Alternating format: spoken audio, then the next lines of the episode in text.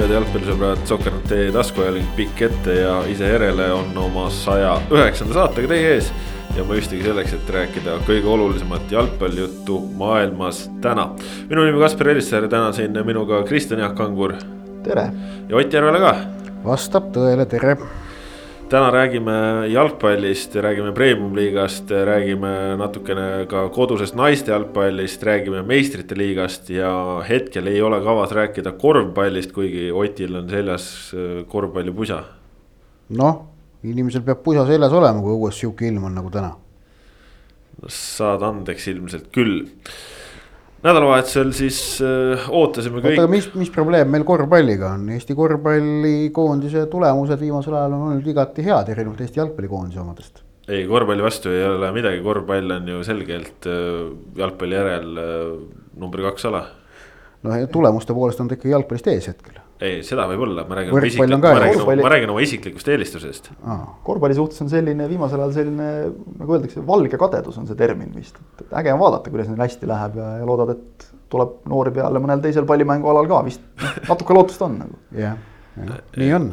ei, see oleks ju äge, kui noored kutid teevad nagu mõlemal alal. just, et see noorus, see, see nooruslik energia, mis Eesti korvpallikoondise ümber valitseb, see on väga vaimustav vaadata. Jah, aga räägime siis jalgpallist, premium-liiga pidi. miks sa nii sujuvalt teemat vahetad? aa, õige, meil on jalgpalli podcast, tuli meelde. sul on, sul on teised saated, kus sa võid teisi jutte rääkida. jaa, aga endiselt jalgpallist rääkides, siis äh, ootasime intrigeerivat premium-liiga nädalavahetust äh, rohkete mängudega. paraku Eesti koondis äh, tuli Rootsimaalt äh, tagasi ühe positiivse koroonatestiga, mis lõi premium-liiga kalendri jälle sassi. aga positiivne on see, et ikkagi kõik mängud ei lükatud edasi ja kuskile kaugusesse. vaid kolm matši mängiti ära, kaks planeeritud kohtumist ja, ja üks siis selline viimase hetke hübriidlahendus, et et saaksime mänge mängida, nädalavahetusel siis väljakule ei jooksnud Tallinna FC Flora.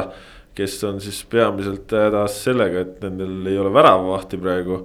Tartu Tammeka, nendel siis sarnane probleem, ehk siis koondisest tulnud väravaht äh, Karl-Juhan Pehter on isolatsioonis ja noh, Karl-Kaiser Kiiderv noh, ütleme nii, et ei ole Tartu Tammeka esimene valik. ja, ja Pärnu vaprus siis samamoodi, et sealt äh, Villota ja, ja Kaljumäe mõlemad kõrvale jäid, mis mõistagi vapruse jaoks, kui kaks sellist põhimeest jäävad eemale, siis ju väljakul joosta ei taha. nädalavahetusel ei mänginud ka Kuressaare, aga Kuressaare nüüd nädala keskel väljakul jookseb Kuressaare, siis pidi mängima Floraga ja. ja Florakate tõttu nemad siis äh, piirduvad ainult kolmapäevase lahinguga. aga noh, see, mida me väljakul nägime nii palju, kui meil seda jalgpalli pakuti, oli tegelikult ikkagi üpris vaimustav, sellepärast et saime päris ägedad lahingud. intriigi saime, mänge saime küll vähem kui ette nähtud, aga intriigi oli kõvasti. intriigi oli kõvasti ja noh, võib-olla alustamegi võib-olla siis kõige suuremast üllatusest, ehk siis laupäeval Nõmme Kalju, Narva Trans.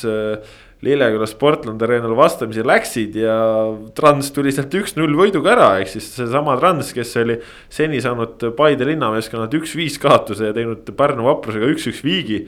Tuli ja nüüd võttis no ikkagi aastaid ja aastaid Eesti jalgpalli tippladvikusse kuulunud Nõmme Kaljult kohe hooaja alustuseks kolm punkti ära.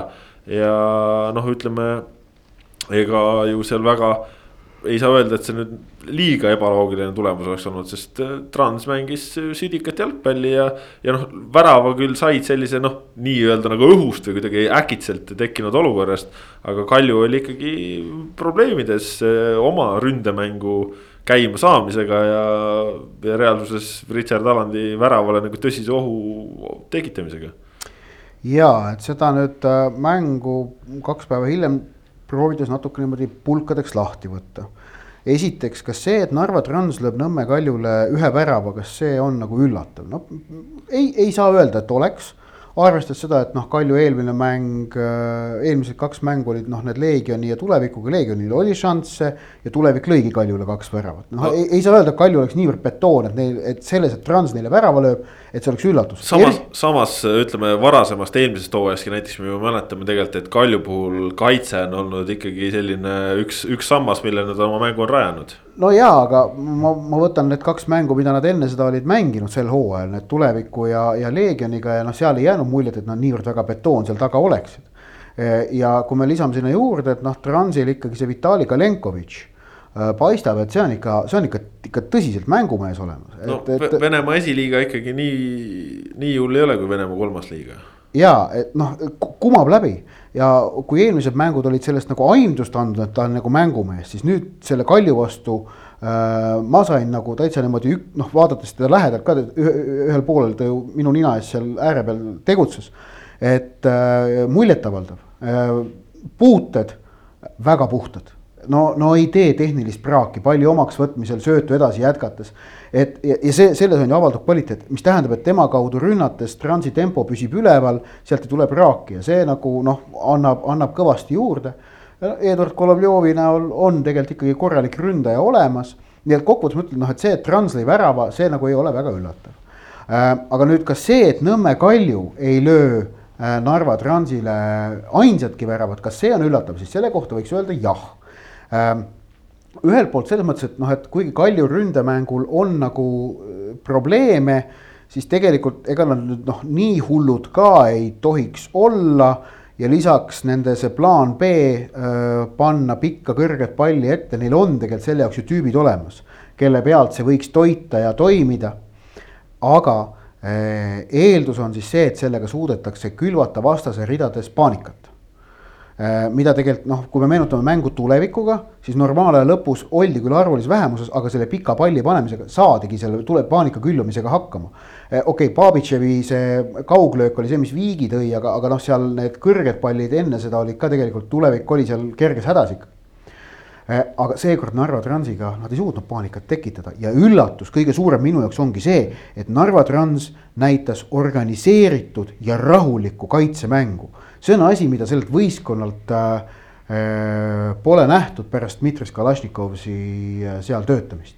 ehk et see, kuidas Roman Nesterovski ja Kristi Marku toimisid keskkaitses, töötasid rahulikult, lakooniliselt, kuidas mängu lõpus äh,, kui Kalju tõstis ründajaid juurde, kuidas Irje langes nende vahele ja tegi ka oma tööd ja suutis hoiduda oma sellest tavapärasest lollusest, mille ta iga mäng ikka mitu tükki ära teeb Äh, kuidas äh, ülejäänud Transi võistkond ka nagu noh, survestas loogiliselt, äh, tegi, tegi, tegi nagu tarka tööd äärekaitsjad, kuigi noh, Martin Käost ei olnud, keda nad ilmselt oleks tahtnud kasutada, aga Škinjov väga korralik partii ka temalt. see Tadžiki vend, kui ma teda halliturniiril, taliturniiril nägin, ma vaatasin mingit täitsa suva, suvategelane seal mängis Kalju vastu, mängis nagu väga kindla partii. tegelikult ei eksinud. eriti lõpus, äh, mingi viimased viisteist minutit, kus noh, prooviti sealt tema äärelt päris palju, no mitte üks pall ei läinud sealt mööda. tsenderdused blokeeris ära, kahevõitlused võitis, lahtised pallid lõi klaariks. no mida sa kurat veel tahad temalt, isegi õhutull kohati võitis, kuigi ta on lühike, on ju. selles mõttes väga korralik esitus, ehk et jah kõige suurem üllatus minu jaoks oli see, et Trans suutis mängida sellist organiseeritud kaitsemängu. see on asi, mida me ei ole sealt võistkonnalt peaaegu kaks aastat näinud ja, ja Trans mängis, noh, Põõvin on uus treener, aga ju siis on head nõuandjad. ehk et Trans mängis nii, nagu selle Kalju vastu tuleb mängida. vajudagi madalale, oodata oma võimalust, see tuli, kasutati ära. Kalju üks suur probleem on ikkagi ju praegu see, et äh, mängida nii, nagu noh, on üritatud siin mängida, nüüd just võtame need kaks liigamängu on võib-olla kõige lihtsam. Nagu ühte patta panna Leegioniga ja, ja, ja nüüd siis äh, Transiga. et eh, noh, ega Leegioni vastu ju tegelikult ka nagu ründemängu osas midagi väga kiita ei olnud. kontrast pandi ära lihtsalt. no aga neil oli seal enne no, ka variante. oli, aga oli pilt oli parem kui nüüd. nüüd oli ikka ülivähe võimalusi ja need olid ka sellised poolvõimalused. parim šanss oli esimesel poolajal see nurgalöögi olukord, kus äh, oli Babitšev, kes pääses väga vabalt peaga lööma, aga lõi üle ja jah, et, et no, väljaspool standardeid jällegi... mänguliselt sellist ja. mõnusat võimalust Kalju ei tekitanud. Kalju, õhuga Kalju see praegune noh, ütleme lähenemine, mis peegeldub koosseisus, treeneri valikus. see eeldab ikkagi seda, et sul on ees korralikud ründajad. Tegid väga korralikku tööd terve mängu jooksul Aleksandr Volkov ja Pavel Marin, aga noh, see on selge, et, et ükskõik, kas me räägime premium-liiga tipust või, või alumisest otsast. Premium-liigas on piisavalt tasemel keskkaitsjad, et äh, nendele meestele sinna mängida pikka palli ei ole lihtsalt mõtet. keskkaitsjad korjavad, korjavad need ära. kui õnnestus mängida kas Volkovile või Marinile jooksu peale, oli hoopis teine tera Alex-Mattias Tamm mängis ka äärel, mängis noh, nii-öelda nagu enda, ütleme siis lemmikpositsioonist väljas Leegioni vastu me nägime, kuidas Tamme sissetulek teisel poolajal nagu mõjutas äh, kõvasti. Äh, Kalju ründemängu just seetõttu, et pallid hakkasid ette pidama jääma.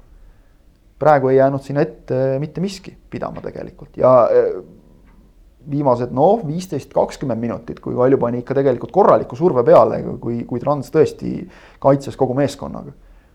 ega ju tegelikult võimalusi ei tekkinud. Volkovil oli üks peaga löök üsna lähedalt, mille ta lõi Alandile võrdlemisi sülle see oli nagu selline hea šanss mm., rohkem tegelikult ei olnudki. jah, Trans vääris seda võitu, see ja. nagu oli, oli ja see on ka üllatav, on ju.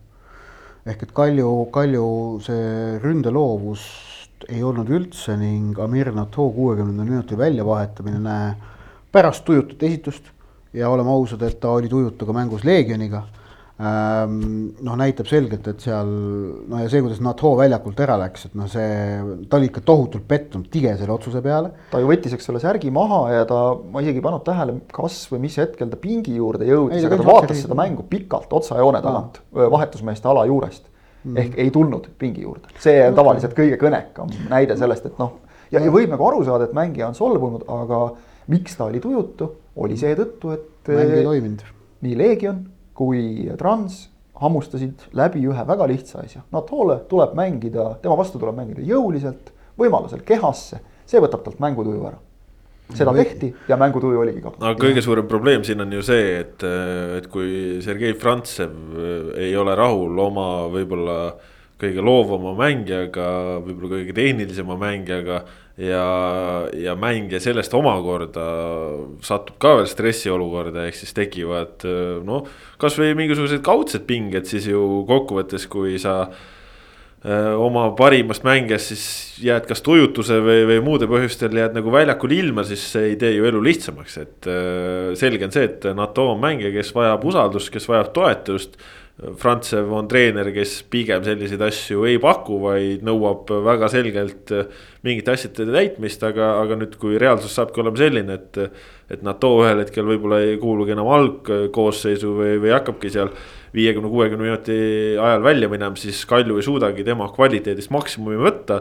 ja kui sa ei suuda NATO kvaliteedist maksimumi võtta, siis sa ju teed iseendale sellega karuteene, ehk siis no, see on selline oleks. nagu väga rõve nõiaring. jah, ja oleks siis sinna kedagi nagu väga asemele panna. ei ole ju. no Homutov tuleb tagasi, on ju, et ta tuleb, aga see on, on täiesti erinevad äh, jalgpallurid, et äh, noh. no Homutoviga on see, et noh, Homutovi selgelt äh, Frantsev ootab tagasi, Kalju ootab tagasi ja Homutovi eelis on see, et noh, ta on ikkagi väga universaalne jalgpallur, ta võib mängida seal emma-kumma alumise poolkaitse koha peal, ta võib mängida NATO koha peal ja ta võib mängida ka eesrünnakul. ehk et teda võidakse kasutada igal pool ja, ja noh, Frantsevile ta selgelt sobib Frantsevi mudelisse mida me sellest arvame, et äh, kolmandat mängu järjest esimesel minutil KTM vahetus Vladislav Veremejev just imemängu ei teinud, tema äärelt tuli ka see tsenderdus, kus tuli lõpuks värav, on ju, et. Äh, vot ma tahakski nagu küsida, et et äh, kas, äh, kas Kristjan Rattasepp oleks teinud siis niivõrd palju halvema partii või Veremejevi mängu vaadates, julgen kahelda. arvan, et oleks äh, saanud noh, ütleme, ei tea, aga oleks saanud hakkama ikka vast. ta nüüd päris mees metsast ka ei ole nagu, et, et kui selle asja eesmärk on ütleme siis nii, et ma loodan, et selle asja, seda asja ei tehta nagu eesmärgiga kellelegi midagi nagu tõestada või kohta kätte näidata. kardan, et selles on päris arvestatav protsent seda. aga niisugusel juhul tasuks arvestada, et öö, äh, oma noor mängija on see, kes kannatab. mis pilguga vaatavad teised Kalju noored praegu seda, äh, sellist asja mitte ainult Kalju noored, ükskõik mis meeskonna noored mängijad. no see on nagu selge. et, et klubis käitutakse nagu oma kasvandikuga, noore mängijaga, noh, ütleme ikkagi üsnagi piinlikul moel. et see, see nagu noh, sa, sa oled ju sisuliselt ikkagi sulle nagu öeldakse, sa oled kohatäide. sind ei saa usaldada, ütleme isegi mitte pooleks tunniks. isegi mitte üheks poole ajaks, Kalju on teinud ju väga palju selliseid vahetusi, noh. Kaarel Ustaga kõige rohkem, kus äh, KTM saab ikkagi poole aja mängida. Siis tehakse vahetus, muutus. okei okay,, fine, muudad poole ajal mingeid asju, eks ole, aga sa annad talle vähemalt need nelikümmend viis minutit.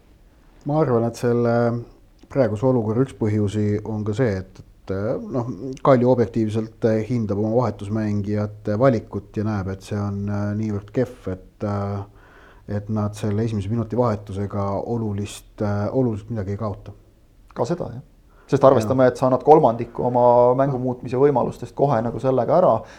No, tihti juhtub, keegi saab vigastada, üks vahetus sealt ja rohkem sa nagu midagi muuta ei saa. sest kes, aga kes oli, no võtan Kalju vahetust mingi mängust Transiga äh,. väravaht Meerits, kaitsjad Reintam, Ivanjušin, Vermejev äh,. keskpoolik Tjapkin, ääred Paur ja Usta ehk et noh, eeldusel, et sa on ju keskkaitsjaid ei vaheta, et sul noh, Reintamit pole vaja tuua, et sul tegelikult Ivanjušinit pole vaja tuua et noh, sa need ja väravahti sa ka ei vaheta, et sa nagu need kolm tükki, noh, need on vahetad ainult siis, kui vigastus on, on ju tegelikult äh,. siis on sul Tjapkin, Paur, Usta ja Veremejev ja noh, ütleme sellest valikust jah, et sul ei ole, et sa, et sa ühe vahetuse kohe esimesel minutil ära teed, siis noh, see kadu ei ole väga suur ilmselt, noh vaatad seda asja niimoodi ka.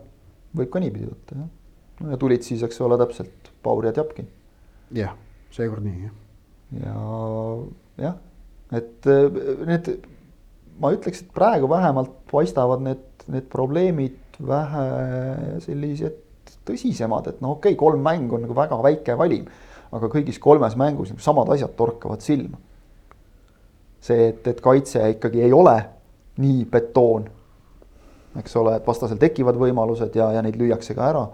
see, et enda ründemäng lonkab mõlemat jalga korraga, noh, okei okay,, tuleviku vastu jah, mängiti vähemuses ja kõik, aga aga seal kohati oli ka tunne, nagu oleks mitte üks mees vähem, vaid, vaid kaks meest vähem, et, et kuidagi nagu no ei jooksnud need asjad. kolmapäevane mäng NATO... Kuressaarega on väga suur tõestamise koht Kaljule. kui me siin just räägime nagu, et kui, kui NATO saab jälle algkoosseisu koha, siis noh, Oliver Rass ja Sander Seeman ilmselt hõõruvad mõnust käsi juba, neile sobiks väga hästi selline, et tuleb mees Tallinnast, võtame tal mängutuju ära, see on nende meeste mäng. ei no Kuressaare hõõrub üldse käsi, ma arvan, enne seda mängu Kaljuga, et, et. peatreener neil, ütleme nendest Kalju mängijatest, noh, üht-teist on kuulnud, on näinud. No, kõik seal... need asjad ka juurde jah, kuigi ma arvan, et see, et, et noh, Kozlovski Kalju mängijaid niimoodi mõningaid tunneb väga täpselt, see nagu väga palju seal ei mõjuta, sellepärast oleme ausad, et Eestis kõik mängijad tunnevad kõiki väga hästi. ja, ja aga, aga see on nagu selgelt see, et, et noh, et äh, Kaljul on surve esiteks võita, teiseks tõestada, et need noh, kolm sellist nagu noh, äpardunud mängu, laias plaanis ikkagi äpardunud, on noh, ei ole, ei, ei saa jätku nüüd neljandaga, on ju, ja noh, Kuressaarel vastupidi on nagu kaotada pole ju midagi selles mängus tegelikult ja selles mõttes tuleb huvitav mäng, jah. Ott, aga räägi sellest ka, kuidas sul õnnestus oma ülevaatega nii palju inimesi närvi ajada? no mina ei tea, noh mina ei aja inimesi närvi, mina kirjutan seda, neid mõtteid, mis mul jalgpallimäng minus tekitab ja. ja jalgpallimäng sedapuhku tekitas sellised mõtted tõepoolest. kõrvaltvaatajana mulle jäi mulje, et seal võib-olla furoor tekkis natuke sellest, et osad inimesed ei saanud kohe pihta sellele, et, et sõltumatu iseseisev ajalooline on Kalju selline uus jõuliselt omaks võetud slogan mm. -hmm. et, et kui jah sellest nagu lähtuda ja, ja sellest, et neile meeldib ka endale natukene aeg-ajalt oma sotsiaalmeediakanalites terav olla, siis äh, ei maksa ju võib-olla imestada, kui asjad ei suju, aga objektiivselt võttes, ega sa ju kirjutasid sellest, mis väljakul toimus. absoluutselt. ja mis toimub selle klubi, klubi ümber, et äh, noh. sa pead silmas Narva Transi või Nõmme Kaljut? ikka Narva Transi. nojah. mõlemas, vaata, et jalgpallimäng ei ole kunagi ainult see, mis toimub selle valgete joonte vahel ja sees, vaid seal ikkagi selle ümber. tegemist on väga palju laiema sündmusega, mis kätkeb endas mitmeid allhoovusid. täpselt, äh, milliseid allhoovuseid ma oma mängureportaažis puudutada otsustan, on äh, minu enda isikliku valiku küsimus ja seda valikut teen ma jätkuvalt nii, nagu ma ise tahan jah, ja, ja ma tean, ma tean, et kus praegu keegi, keegi hakkas õhku ahmima selle peale, aga üldiselt kusjuures ajakirjanikud vot sellistes meie võib-olla on nagu ka jäänud vale arusaam kuidagi inimestele, et nagu luup peale ongi selle ajakirjaniku luup peale. kuna Sokkerneti ajakirjanikud on õnneks mitte kloonitud, vaid erinevad inimesed oma nagu erinevate pilkude, nägemustega, siis need luubid peale on ka erinevad. jaa see erineb, samamoodi erineb ta ilmselt sellest, kuidas vaatab äh, keegi fänn, eriti just fänn, kes peabki vaatama nagu oma meeskonna vaatepunktist ja... nägema asja teinekord natukene ilusamatena, teinekord natuke negatiivsematena kui. aga mõlema klubi fännid näevad mängu ka erinevalt. no just täpselt, et noh, see. ja, ja mina kõik, näen. kõik see sinna juurde. Ja, kindlasti meie ajakirjanikul, antud juhul siis mina näeb seda mängu veel kolmandal moel, aga jah, siis, aga ma panengi kirja selle nagu, nagu see mulle paistis. huvitaval kombel vot miskipärast sa oled nagu oma nime ka sinna juurde kirjutanud, et see, seda ma ikka nagu armastan seda toonitada, et, et see üldiselt tähendab, et äh, mingit nagu vastutuse võtmist oma, oma sõnade eest et noh, anonüümseid blogisid ja, oskame me kõik nagu pidada, eks ole, ja, ja kirjutada siin igasuguseid asju kokku, aga et, et seda nagu nägin ka etteheidet, et kujutad ette, et kirjutab nii ja paneb veel oma nime ka alla. et vot see on ülbus nagu võtta vastutus oma sõnade eest. vot see, see on nagu selline asi, mis mind paneb kukalt kratsima, et kuidas inimesed jõuavad ärrituda selle üle üldse nagu mitte isegi jalgpallis, vaid igas plaanis, et kui keegi avaldab oma arvamust ja see ei lange nende arvamusega kokku, kujutad sa pilti. et äh, jah rahulikumalt. härrased, tahaks öelda. ärge no. ärrituge tühja asja peale, et keskendume nagu sellele, mis. vaata mängureportaaž on võimalik nagu kirjutada ka väga igavalt. esiteks suudab neid teha tänapäeval põhimõtteliselt juba suudab teha ka robot või siis on võimalik kirjutada nii nagu äh, rahvusvahelise jalgpalliliidu FIFA kodulehekülg äh, kirjutas kahe tuhande kümnenda aasta jalgpalli MM-i kaheksandikfinaalist Inglismaa, Saksamaa. ma toon kus... sulle palju värskema näite no.. Äh, palju värskem näide pärineb äsjastest mm valikmängudest. kus äh, vaatasin huvi pärast, et mida siis kirjutab, äh, kuidas kirjeldab UEFA.com seda kurikuulsat Ronaldo lugemata väravat. vastus lihtne, ei kirjeldagi. Ah.. ehk lihtsalt täielikult on Maha nii mängu kokkuvõttes kui selles noh, live-ülekandes libisetud üle sellest, on kirjutatud, et aga kaitsja tegi joonelt suurepärase klaarimise no ei no kuidas. ja kõigest kaks... muust on lihtsalt tuimalt üle. kuidas kaks tuhat kümme see Frank Lampardi värav FIFA leheküljel oli kajastatud, kohtunik otsustas, et pall ei ületanud väravajoont. oli, oli seal lause lihtsalt on ju. ehk et eh, noh, sellist paska võite eh, lugeda just nimelt sellistest ametlikest kanalitest eh, või, või kus on tähtis korporatiivne Äh, korporatiivne, kuidas öelda, korrektsus.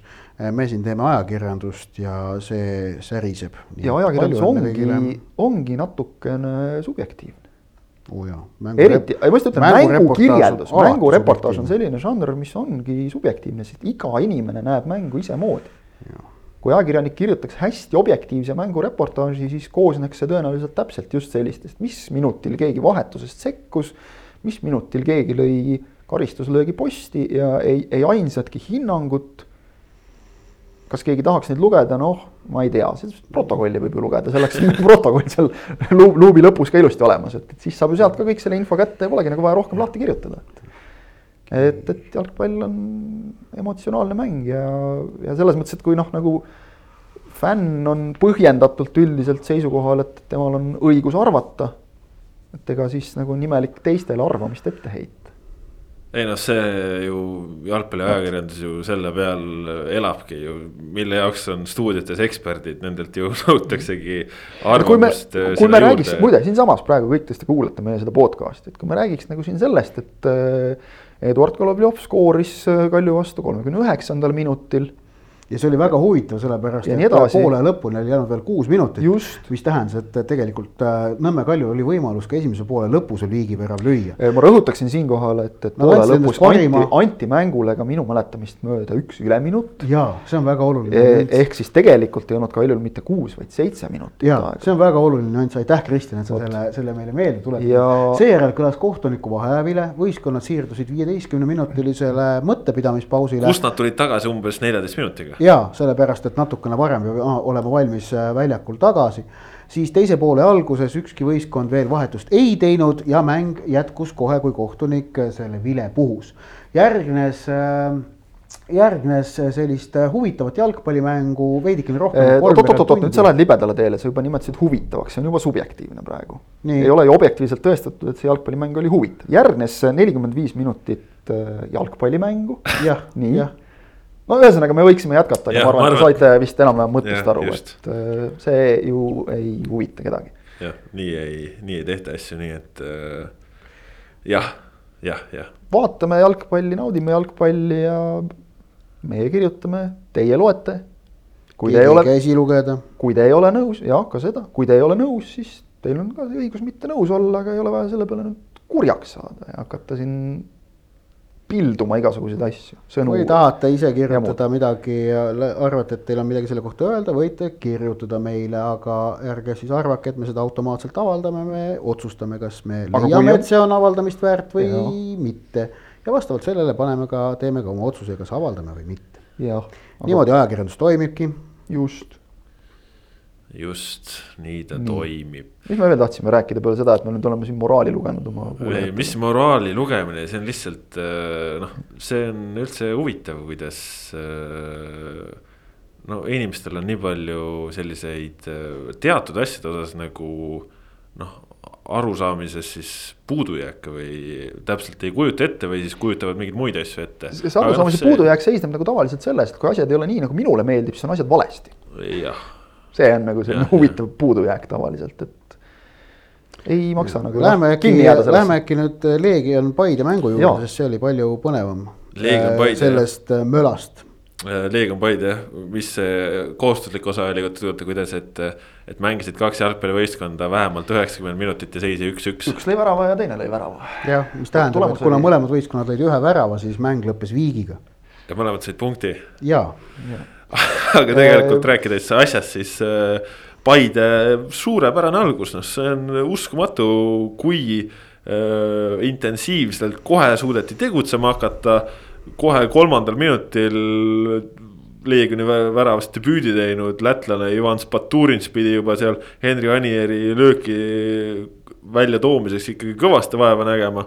aga siis läks natuke aega mööda, neljas minut Saliste pani hea krossi, Anier näitas, et talle meeldib igas mängus ikkagi värav ära lüüa ja noh, tundus, et okei okay,, et tundub, et täna on siis Paide päev ja, ja läheb nii, aga ei läinud ja Leegion tuli ikkagi väga hästi mängu sisse.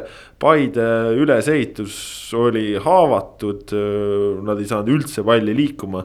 Abdul Razak Yusif pidi tagant mingeid asju sealt leiutama, vahel leiutas paremini, vahel halvemini aga see keskväli oli Leegioni poolt äh, välja söödud.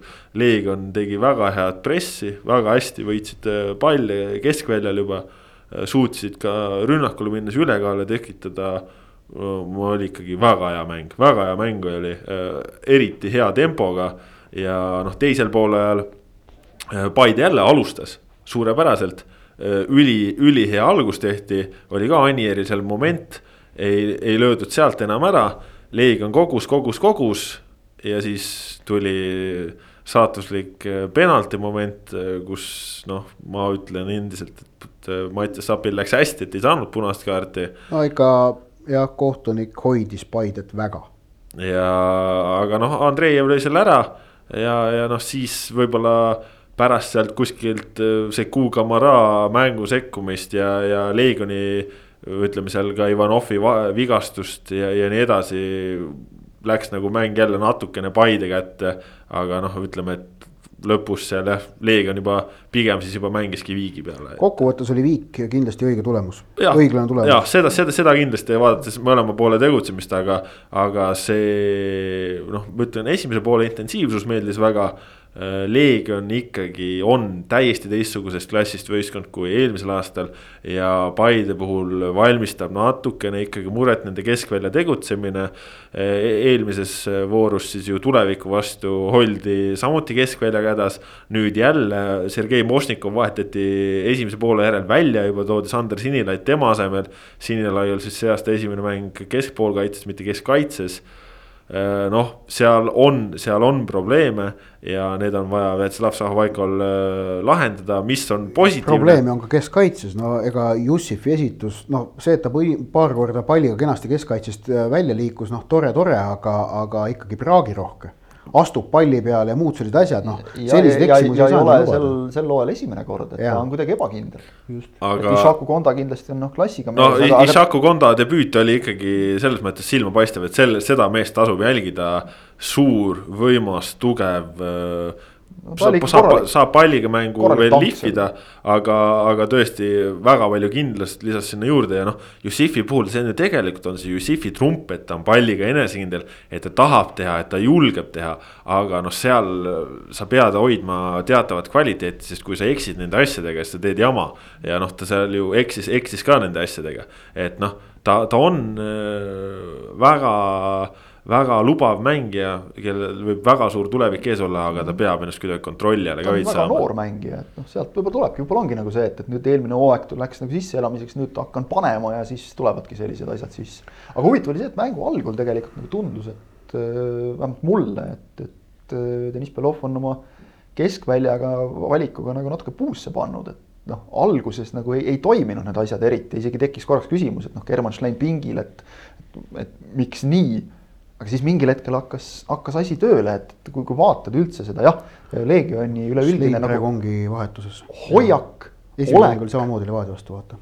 hoiak ja olek väljakul nagu on, on teine. jaa, kindlasti. see algab, me rääkisime juba vist eelmises saates sellest, et noh, kuidas Nikita Andreev nagu naudib mängu palju ja. rohkem, et tal ei ole mingeid pingeid õlgadel äh, kuidas noh, tegelikult ka kaitseliin nagu, kus, kus ei, ei. Artjunin on täiesti teine Artjunin. Artjunin on täiesti teine mees võrreldes eelmise aastaga ta on see Artjunin, keda me nagu eelmisel aastal eeldasime ja Just. ootasime. keda, kes oli Levadias, eks ole, kes oli ikkagi noh, ka meeskonna üks liidritest ja, ja, ja, ja mulle jättis see lätlasest väravavaht ka täitsa nagu asjalik. ei, Baturits oli väga tubli, väga tubli. esimene mäng võõras liigas nagu. ja väljaku kuningas on Sander Pori kes nagu noh, annab ja. niivõrd palju kvaliteeti juurde Leegionile, lihtsalt. kogemused. just, kogemused, õiged otsused, rahulikkus.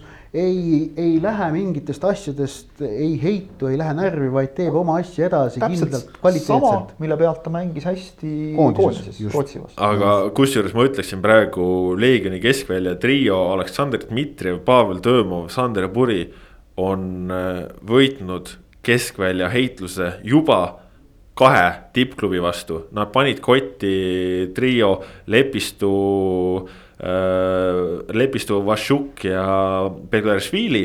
Äh, seal siis küll Lepistu lendas teisel, teiseks pooleks välja, tuli sinna Žurahovski tuli asemele, Vašuk läks madalamale. endiselt ikkagi Leegion oli, domineeris seal keskvälja ja nüüd tehti sama Paide vastu, kus oli. vahepeal mängis Kaljuga, kus mängis teistsugune kolmik. vahepeal Kalju vastu mängis teistsugune kolmik. mängisid, on ju, Mašitšev, Šlein ja äh, keegi kolmas. Ivanov oli vist. vist ei. Ivanov oli kõrgemal selles. Ivanov oli kõrgemal, igatahes mängisid niimoodi, et noh, et kogu keskmine kolmik oli välja vahetatud yeah.. ja, ja tulid sealt nagu välja, ehk et ei, Leegion on kõva punt. ei jah, aga ühesõnaga noh, praegu ka Kosmanilt nüüd algkoosseisu mäng, seal tundub ka ikkagi väga palju kvaliteeti olema, on näha küll, et on Ukraina kõrgliigas mänginud natukene võib-olla otsuste kvaliteeti saab tõsta, aga noh, Leegion ma ütlen ausalt, noh, müts maha, müts maha, see, see, kuidas nad mängisid, et äh, see ajas seal ikkagi ju noh. Paide mehed ka mingi nurga alt marru seal, Vjatšeslav Zahhovaiko joone taga ju teisel poolel seal. vahepeal läks, läks päris keema ja tahtis juba minna Deniss Beloviga asju ka arveldama, aga. aga Belov oli väga rahulik ise ja, ja palus Slaval maha rahuneda ja, ja neljas kohtunik siis seal aitaski Slava oma pingi juurde tagasi eskortida. pärast mängu nad seal ka, Belov tahtis ära leppida, aga, aga Zahovaiko päris selles meeleolus ei olnud, et äh, seal no ütleme, et noh. asi, asi ei olnud mitte niivõrd ilmselt Belovis, kui asi oli ikkagi nagu mängus rohkem. just, jah ma, mul tunne, et, et Leegionil nüüd kolm on ju väga keerulist, kolm tippmängu selja taga, üks punkt kirjas. seejuures nad oleks pidanud mängima Pärnu vaprusega on ju, et algselt, mis oleks toonud tõenäoliselt oluliselt lihtsama pühapäeva neile. see selleks, aga, aga noh, et kui siin hooaja eel sai öeldud, et noh, et eh, vaatamata kõigele ei näe varianti, et Leegionil oleks võimalus kedagi esinelikust edestada siis nüüd äh, seni nähtu põhjal, kui me võtame nii Kalju esitused kui ka Leegioni esitused ähm,. ja, ja ma võtaks, paneks siia juurde, no ei, ma arvan, et Paide ikkagi lõpuks nagu kosub, et nad on. kindlasti, kindlasti. Paide, Paide on raskus, aga samas Paide on praegu väga palju Henri Anieri meeskond on, aga, aga ütleme, et Paidel ju praegu tegelikult ju KTM mure ka ikkagi neid selles mõttes segab, et. et oleks Edgar Tuur nendel olemas on ju. Vigastuste käed, okei okay. ma arvan ka, et Paide ikkagi kosub, kuigi see, et Jaanus Reitel ütles, et Flora ja Levadia tiitli peale mängivad, siis sellega tuleb ka jällegi nõus olla äh, aga et äh, nüüd näha seda, et Leegion Kaljut sellel hooajal edestab, ei ole enam üldse niivõrd keeruline, nagu see oli kuu aega tagasi absoluutselt, see selles mõttes see perspektiiv on küll natukene nihkunud jah, aga. mitte natuke, päris arvestatavalt, ma ütleksin isegi.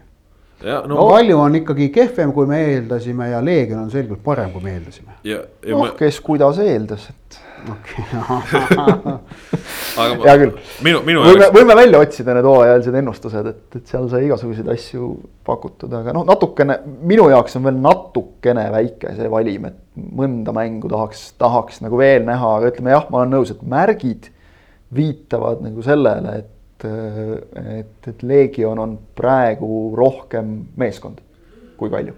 kõvasti rohkem. Leegion on väga hea meeskond, aga minu puhul, Leegioni puhul ikkagi ka nagu väga positiivne üllatus, et noh, eelmisel suvel siin oli ikka väga palju skeptikuid, et kuidas see Sainet Dmitrijev pärast poolteist aastat treenerina kuidagi suurde mängu tagasi tuleb. vorm on ajutine klass, on igavene, ütlen. no aga ma ütlen selle peale praegu seda, et tüübi vorm on ka hea noh tal on üks asi on see, et tal on värav kirjas, see selleks, aga. vorm on hea klassi pealt. aga see, kuidas ta ka tegelikult eile seal Paidel seal paaril korral seal suutis sealt möölilt palli ära röövida ja nii edasi, et see oli noh tead, vaata, see sõltub ju sellest ka, et kui sul on kõrval on, on nagu niivõrd head kaaslased toetamas, noh, Tõõmov on täpselt selline terrier, kes töötab üheksakümmend minutit. Tõõmov on ka ikka väga hea olnud praegu ja. selle kahe mängu pealt, mis ta mänginud on. just, et, et noh kaaslased on sul ümber nagu niivõrd head, siis, siis see natukene ju selles mõttes nagu Dmitrijev saab säästa ennast mängu jooksul, et ta ei pea nagu nii palju seal.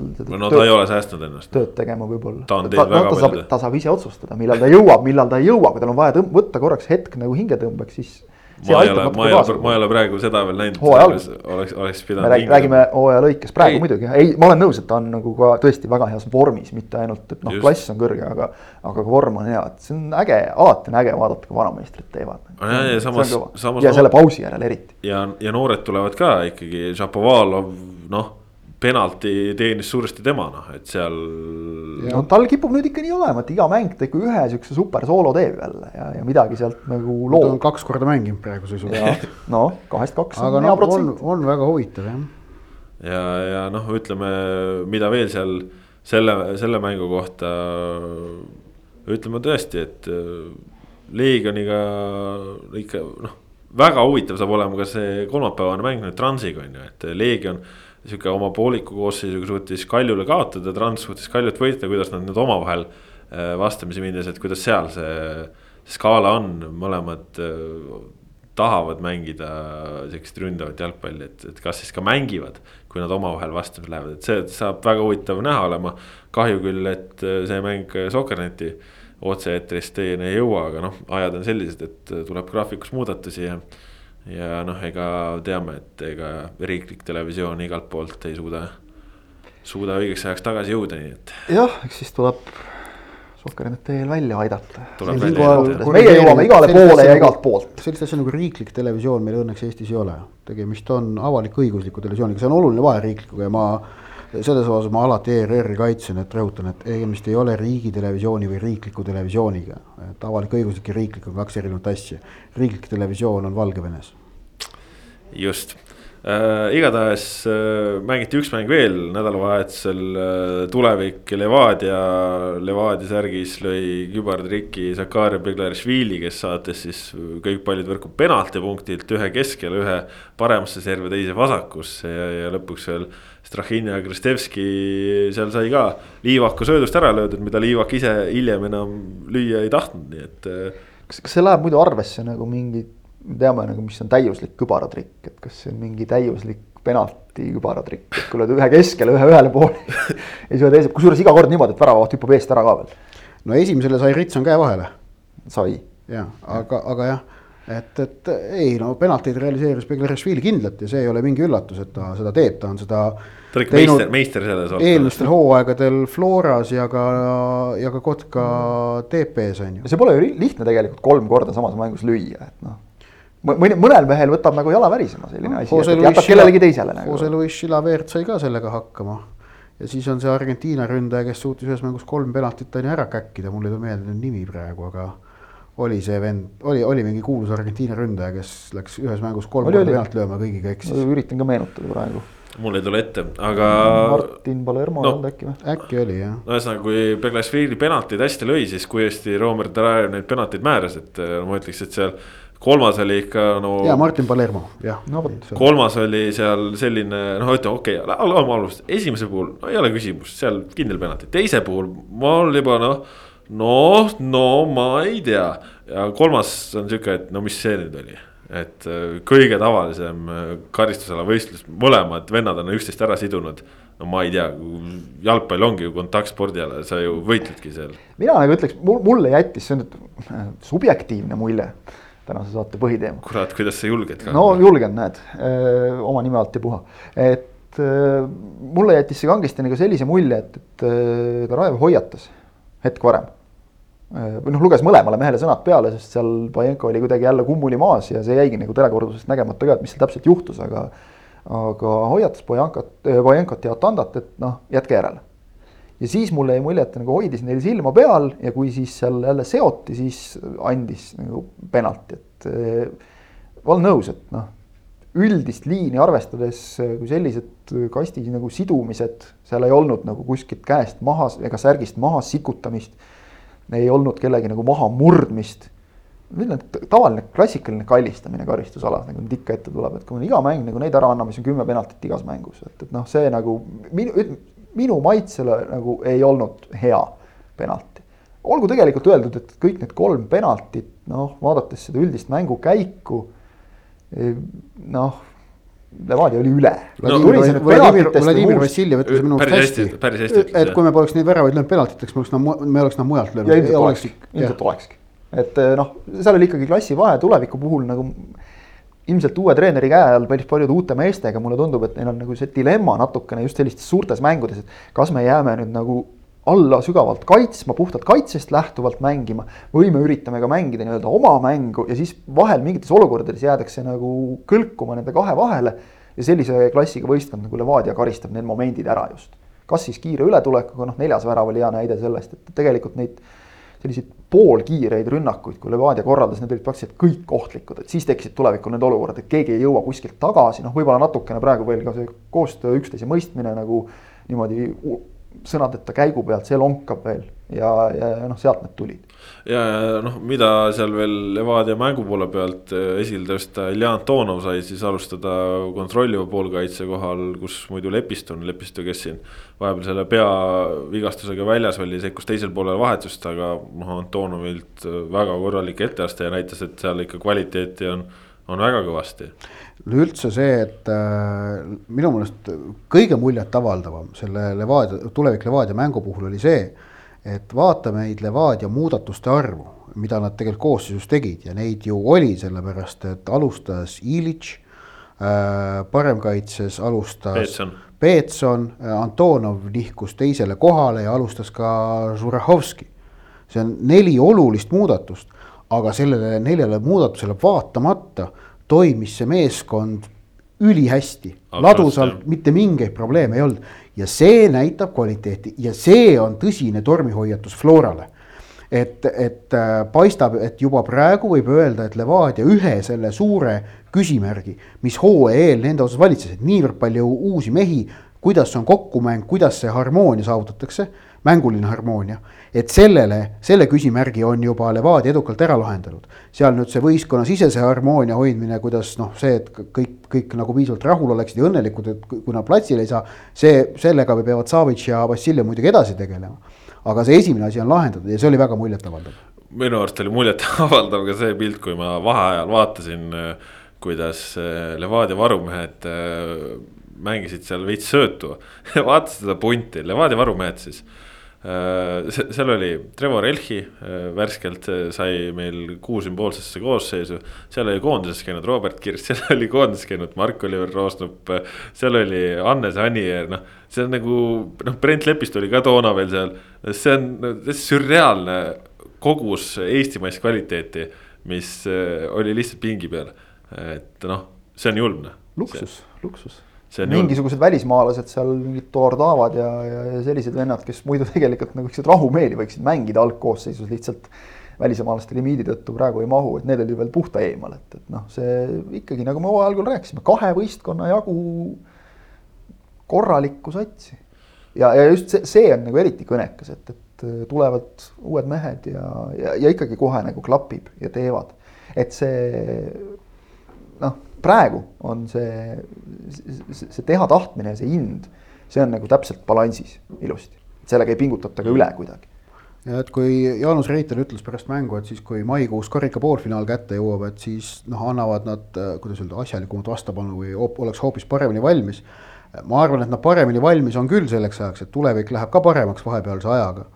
Aga ikkagi on väga keeruline näha, kuidas äh, ei ole mingit põhjust on ju arvata, et Levadia keskendumine selleks poolfinaaliks oleks kehv et kuidas sellest Levadiast tulevik ennast läbi suudab manööverdada. kui palju paremaks võib selle ajaga minna veel Levadia? no ikka natukene. noh, natuke ikka jah, aga tõsiselt ilmselt tulevikul on lihtsam neid samme astuda no, praegu, sest neil on praegu on ju pikem maa minna. et, et, et äh, Levadia on praegu väga muljetavaldav olnud. Ott, kas äh, said eile ka personaalse väravatähistuse või? ma ei tea, ma ei tea, aga väga huvitav ja, et äh, kui eelmisel nädalal äh, enne mängu Rootsiga ma panin, on ju, jalgpallipunkrisse, postitasin selle oma prognoosi Eesti algkoosseisu kohta. ja seal siis hakati erinevaid küsimusi esitama ja, ja erinevalt mõnest teisest meediumist, siis mul jalgpallipunkris reeglina on nagu selline konstruktiivsed küsimused ja konstruktiivne publik, on ju ja nendega on alati nagu meeldiv äh, ka tegelikult suhelda. ja, ja siis ma noh, seal päris paljudele vastasin ja noh, tekkisid erinevad nagu lõimed, noh, kõiki lõpuni ei jõudnud küll menetleda, see on päris ajakulukas aga üks asi oli siis küsimus, et, et huvitav, miks äh, seda Zakat ei proovita, oli paras Kamma ja, ja ootus, kuni kodakondseks saab. minu vastus.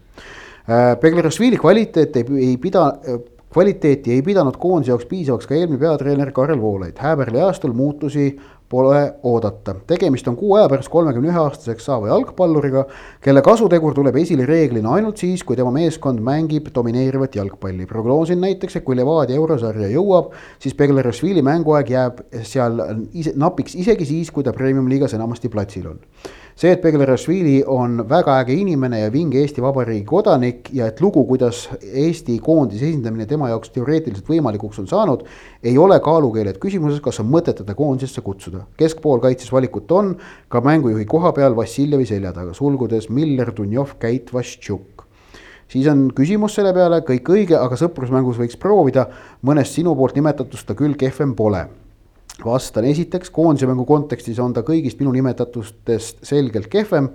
teiseks, maavõistlused ei ole Häberli jaoks proovimise koht, vaid enda koondise kõlbulikkust tuleb tõestada klubis, seda oli näha ka jaanuarikuu Marbella laagri nimekirjast, kuhu ta võttis kaasa kitsa ringi mängijaid.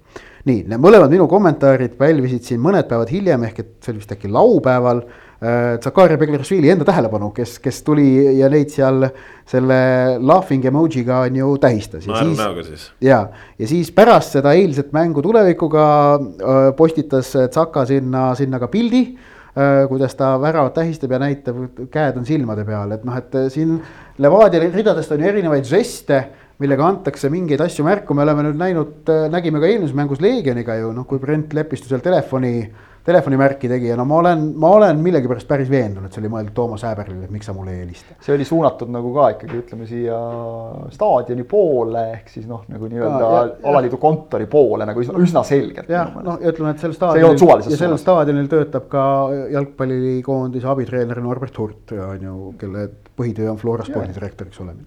Eh, okei okay,, et eh, mis ma nüüd selle kõige kohta ütlen, minu meelest on nagu ülivinge, et selline noh, kuidas öelda, suhtlus toimib. Äh, aga siin ma ütlen jällegi, et ma annan oma ausaid arvamusi ja, ja noh, kui paistab, et Beglerashvili sellega nõus ei ole, mis on nagu, nagu loogiline aga. oleks nagu päris jama ka, kui oleks. ja, aga, aga nüüd ongi, et, et tegelikult noh, Levadia meestel on, kes ei ole koondisesse saanud, kes aga väga tahaksid seal olla või leiavad, et nad peaksid seal olema. Neil on lihtsalt nüüd kaks kuud aega tõestada väljakul, et nad peaksid seal olema see, mida sa praegu aga, kirjeldad, see on tegelikult, see on inglise keeles on hea sõna, see banter, eks yeah. ole see on, ütleme eesti keeles siis noh, nagu aasimine või, või noh, lõõpimine või, või selline edasi-tagasi palli põrgatamine. nii mm, -hmm. et äh, kumbki osapool ei pahanda. jah, see on äge. vähemalt ma loodan, et Beglarishvili ei pahandanud sellest, et mina nagu teen usu. oma, oma arvust ma ja usu, ma kindlasti ei, ei pahanda seda, et ta niimoodi nagu sellesse suhtub ja ma. noh, ta peabki niimoodi suhtuma, et talle ei meeldi, et ma ütlen, et, et ründava pooliku peal ta on umbes Eesti kuues valik, et äh, eespool pärast Vassiljevit, Mill-, okei okay,, Vassiljev on esimene, edasi pingerida on noh kahtlasem, aga Miller, Dunjov, Käit, Vassiuk mm. -hmm Äh, saavad ennem ründavas poolikus praegusega, mul on tunne peale, kui, kui tema. ja kui Brent Lepistule keegi ütleb, et sinu koht ei ole koondises, siis Brent Lepistu peabki tegelikult reageerima. on küll. ja ma teen kõik, et näidata, et on. See ja. on ju normaalne mängumehe reaktsioon. see on väga kasulik Levadiale, see on tegelikult kasulik ka Eesti koondisele. toome hea näite. tervele Premiumi liigale. välismaa jalgpallist, Gareth Southgate jättis koondisest viimati välja, Inglismaa koondisest Liverpooli parem kaitse Trent Alexander-Arnoldi mm. -hmm. Alexander Arnoldi esitus Arsenali vastu, see nagu pakatas sellest, et ma sulle veel näitan. ma sulle veel näitan ja mees tegi sellise mängu, et minu meelest Jürgen Klopp peaks saatma minimaalselt äh, pudeli head veini Southgate'ile selle eest, et täiesti tasuta motiveeris tema meest niivõrd palju paremini mängima. muuseas, ma siis hoiatan kõiki Liverpooli toetajaid, et äh, kui mul juhtub sel nädalal aega olema, siis mul sel teemal, mida sa, Kristjan, praegu mainisid, on tegelikult üks selline kommentaari mõte soojas, soolas ja siis, et et, äh, et äh, ma kahtlustan, et kas, kas osadel, osadel Liverpooli toetajatel ei pruugi see kommentaar meeldida. kas see kommentaar on subjektiivne? kindlasti see on, see saab olema erakordselt subjektiivne kommentaar, ma võin öelda, kui ma selle äh, kirjutamise juhtun ette võtma. jumal tänatud, siis on vähemalt kellelgi võimalus solvuda. ja, aga, aga jah, et ei noh, Levadia peabki niimoodi, nende hoiak peabki selline olema et see on täpselt see, et kui sa vinti üle ei keera, keera, siis on väga hästi, seesama Nõmme Kalju tegelikult on ju selle vastandumise pealt, ma ütleksin, on teinud oma vaata et parimad hooajad. kaks meistritiitlit jah. klubi ajaloos, mõlemad meistritiitli hooajad olid sellised, kus seda nagu hoiti kõrgel just nimelt seda, seda hoiakut ka meeskonna sees, et me, me veel näitame teile kõigile, noh, kes te meid ei armasta ja see töötas. Ja. selle pealt tehaksegi tihti suuri asju. aga nüüd Belarusvili selle mängija omaduste juurde tagasi tulles, mis, millest on ju see jutt seal tegelikult algas, siis äh, siis äh, endiselt ma noh, ootan huviga, et mis juhtub, kui tulevad Levadiale nüüd vastu sellised füüsilisemad võistkonnad, et äh, alustuseks näiteks nüüd nädala pärast või selle nädala lõpus on, on ju Kaljuga neil mäng. jah, on küll pühapäeval, eks ju? jah, hetkeseisuga küll. jah, et äh, Andrei Markovitš, Igor Subbotin või Deniss Tjapkin ja kuidas nagu selle seltskonna keskel äh, Beglarashvili, kas ta leiab ruumi, kas ta suudab seal mängu tekitada. ehk et ta peab ennast esmalt tõestama, on ju sellist, sest et äh, noh, ilma naljata, et tema näiteks viimane Flora hooaeg ähm,. või mulle tuleb meelde näiteks see mäng Tom Žalega, Flora Tom Žale eurosarja mäng, kes mäletab, kus Beglarashvili esimesel minutil lõi selle supervärava võttis küljejoone juures palli ära, väravaht oli väljas, lõi tühja. ja Flora läks kaks-null ka juhtima. aga selles mõttes äh, äh, Flora selle mängu lõpuks kaotas ja Beglarashvili kadus väljakult ära, sest Tom Žale sõi ta füüsiliselt ära ei no selles mõttes, et siin ju, siin ju ei ole küsimust, et äh, Sakari Belešvili, me kõik teame, ta ongi geniaalse väljaku näge-, nägemisega, suurepärase sööduga, ideaalne mänguehitaja. aga me kõik teame ka, et ta füüsiliselt ei ole nii tugev ja mis, me ei pea ju kuskil kaugele minema. eelmises voorus Leegioni Pavel Tõõmov sõi Sakari Belešvili väljakul sedasi ära, et noh Belašvili oli mängust väljas, ta kaks okay, korda. see oli lumelahing, okei okay., me võime öelda, et see on natuke teistsugune. ei no seda ütleks, küll, aga, tuleviku... aga teiste jaoks oli ju ka lumelahing ju. no jah. ma ütleks selle tulevikumängu kohta, et ega tegelikult teda tuleviku keskväli suutis üsnagi korralikult vaos hoida, nagu kui me need penaltid kõrvale jätame.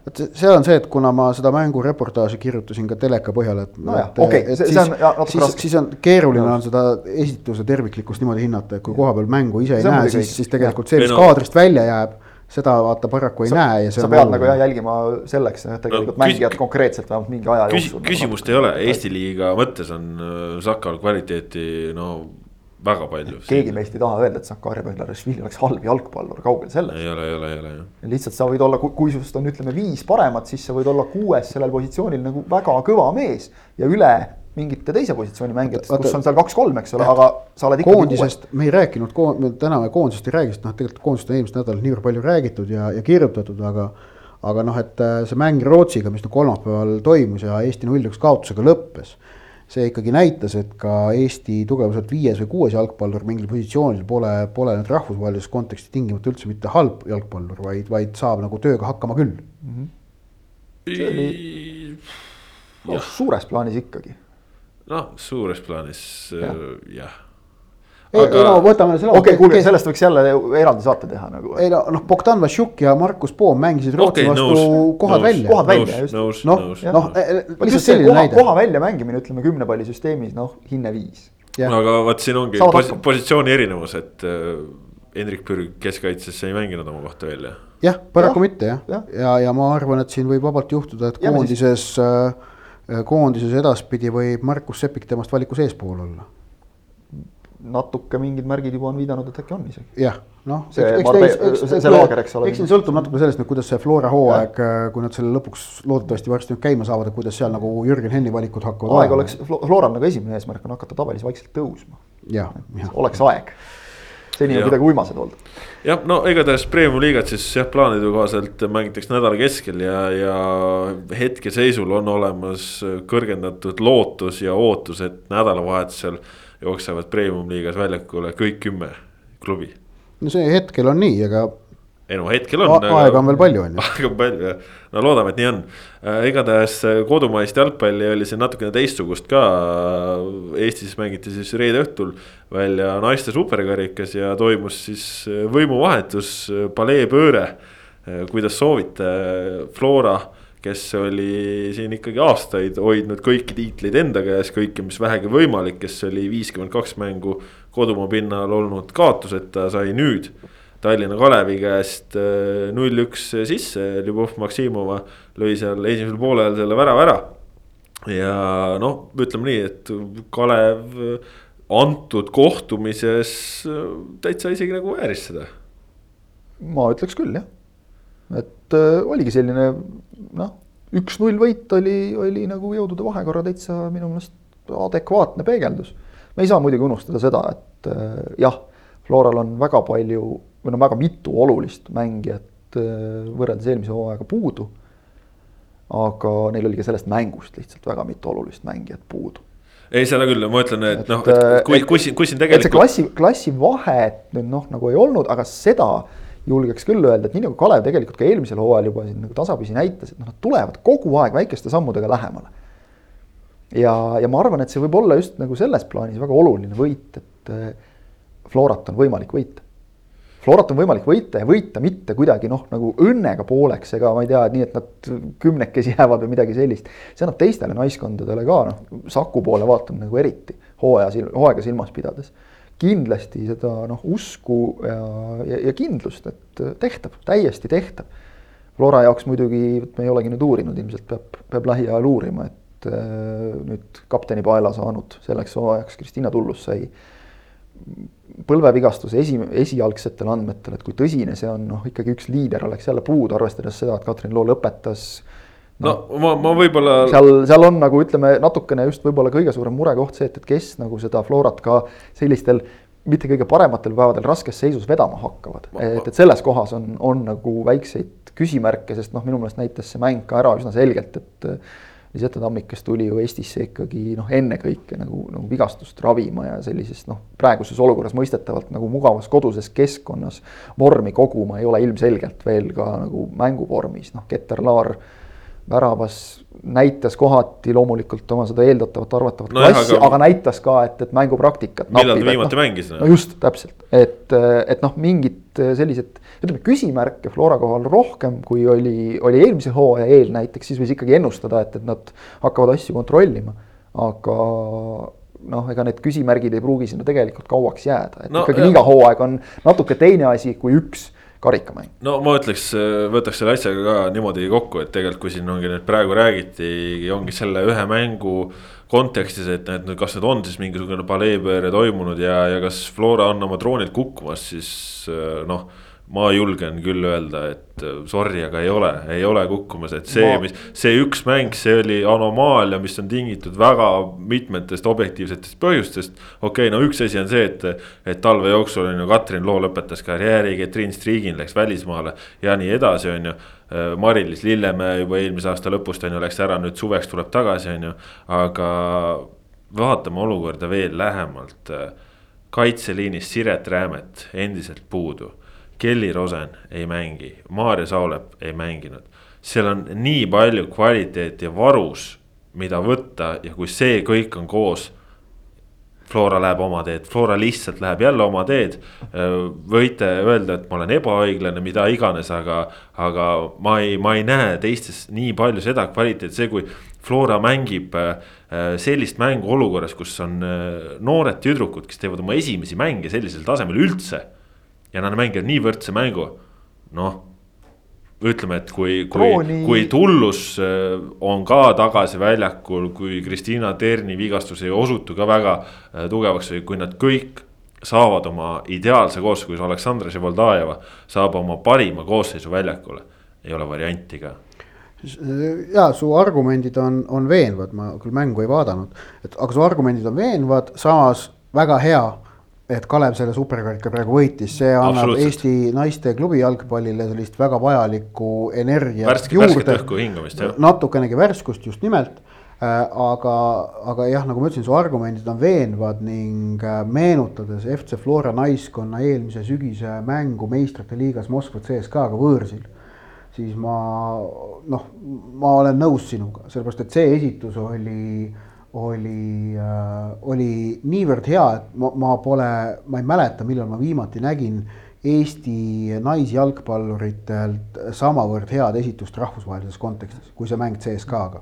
ja see oli minu jaoks muljetavaldav just nimelt põhjusel, et toona selles mängus Flora ei jäänud CSKA-le äh, füüsiliselt niimoodi alla, CSKA tuli füüsiliselt mängima, Flora võttis selle vastu ja suutis vastu mängida. okei okay,, jah, jäädi alla, see on ka loogiline aga see oli just nimelt igati väärikas, asjakohane äh, vastupanu. ja see avaldas mulle sügavat muljet ja, ja see, sellega näitas Flora naiskond, ma arvan, uut standardit äh,. nagu sa loetlesid, põhjused, miks need standardid praegu ei ole samad, mis nad olid eelmise sügise lõpus, on seoses erinevate mängijate kas lahkumise või loobumise või vigastustega arusaadavad. aga samas see teadmine, see kogemus, mis tolle sellest mängust saadi, ei ole sellest klubist ja naiskonnast kadunud, vaid ta on ikkagi seal kuskil ju endiselt olemas, hõljub seal ringi, võimaldab ja pakub sellist toetuspunkti, mille pealt sihtida oma järgmisi tegevusi. ja, ja, ja noh, tegelikult ju, kui me võtame, siis ka, ka klubipoolne ambitsioon, Norbert Turts, spordidirektor ütles välja tahavad paari aasta jooksul teha sellest no, no, profinaiskonda. tehti juba tammikuga algust, eks ole, ja see, see ongi nüüd Flora saabki olla järgmine samm, et, ja see on nüüd, see on jällegi asi, nad peavad näitama eeskuju teistele ehk et teised naiskonnad pürgiksid samas suunas. Tallinna Kalev ja Pärnu Vaprus mõlemad on naiskonna arendamise väga tõsiselt äh, tegelikult noh, nad, nad tegelevad sellega pühendunult, oleme ausad Saku Sporting. see ei ole nagu kuskil seal kõrval kah, vaid see on ikkagi ja, nagu väga selge osa klubi. Saku Sporting klubist. Äh, on üleüldse nagu selles mõttes huvitav klubi, et kus nagu noh, naiskond on meeskonnast sootuks tähtsam, on ju. Äh, noh, et, et, et see on nagu väga hea, et sellised näited meil olemas on, aga nüüd jah, et äh, FC Levadia, Nõmme Kalju, Paide linna meeskond. miks teie naiskonnad noh, ka noh, ma, ma eelmine aasta ma seda juba kuskil küsisin, ma ei mäleta täpselt kus aga noh, need klubid peavad ka tegema, miks teie ei tee? aga jah äh,, seal hooaja... osadel on objektiivsemad, osadel noh, mitte niivõrd objektiivsed põhjused, noh Paidel näiteks on see, et neil tõesti vist Paide linnanaiskond vist amatöörtasemel, ma saan aru, küll tegutseb, aga neil lihtsalt ei ole mängijaid Paidest. no nad on teinud siin Lasnamäe Ajaxiga koostööd ja nii edasi, et noh, see lihtsalt ongi kogukond on niivõrd väike. ma ütlen, et Paidel on tõesti keerulisem, äh, ma, ma möönan seda no,. Tallinna, Tallinna klubidel nagu. no aga Levadial ja Kaljul, oleme ausad, vabandusi pole. napib vabandusi jah, ütleme Äh, jah, see drooni kõigutamine, just kui sa küsid, et noh, kas keegi on droonilt lükatud, drooni kõigutamine noh, kas nüüd lihtne, aga tehtav. aga hooaja lõikes. noh, eeldada, et Flora nüüd ütleme, noh, nad võivad veel komistada muidugi jah, siin Saku ja Kalevi vastu üks-kaks korda, aga. aga pikas plaanis ma ka ei näe nagu varianti, et tõesti, nagu sa ütled, et igas mõttes nii, nii otseses kui ka kaudses tähenduses pink on nii palju pikem lihtsalt. aga noh, muidugi selles mõttes ju, selles mõttes ka minu see sõnavõtt on ju. Tallinna Kalevi, Saku Sportingu, Pärnu Vapruse teistel naiskondadel on see ju ainult motiveeriv, et ja. näidata, et see mõlakas ikka ei tea mitte midagi. sest noh, sa oled ju subjektiivne praegu. absoluutselt. ei noh. aga ei, ma olen nõu, Otiga nõus, et noh, see kõige hullem on see, kui mingis liigas, ükskõik millises liigas nagu jääb see asi püsima, et ah, see võistkond võidab niikuinii nii praegu vähemalt visati nagu see intriig õhku, et aga äkki ei võidagi. ja see on väga hea Eesti naiste jalgpall. nõus, läheme saate lõpetuseks siin natukene veel ka meistrite liiga juurde, sellepärast et veerandfinaalid teisipäeval juba käima lähevad. oodatum kohtumine teisipäeval on kindlasti Real Madrid, Liverpool mõneaastane Kiievi finaali kordus, teisipäeval mängivad ka Manchester City ja Dortmund, kolmapäeval BSG, Bayern, Porto, Chelsea, noh. Me oleme põgusalt neid paare ennustanud, kui need loosid tulid, aga, aga vaatame natukene ka sellele tänasele päevale otsa. Real Madrid ja Liverpool lähevad vastamisi, selgunud on vahepeal see, et Real Madrid peab mängima ilma Sergio Ramoseta, kindlasti Mo Salah on noh, rõõmus tulvil, aga aga noh, see on ikkagi selles mõttes selge löök Realile, samas kui me võtame, et kui kaua ja kui pikalt on Real praegu pidanud juba mängima ilma Raamoseta, siis ma ütlen, et kui. kui sellise Raamose pideva olemasoleku järel on tema puudumine nagu täiesti katastroofiline ja see võistkond ei saa mitte midagi aru. siis praegu nüüd olukorras, kus Raamos pole olnud pikalt ma julgen isegi öelda, et Real on sellega natukene ära harjunud.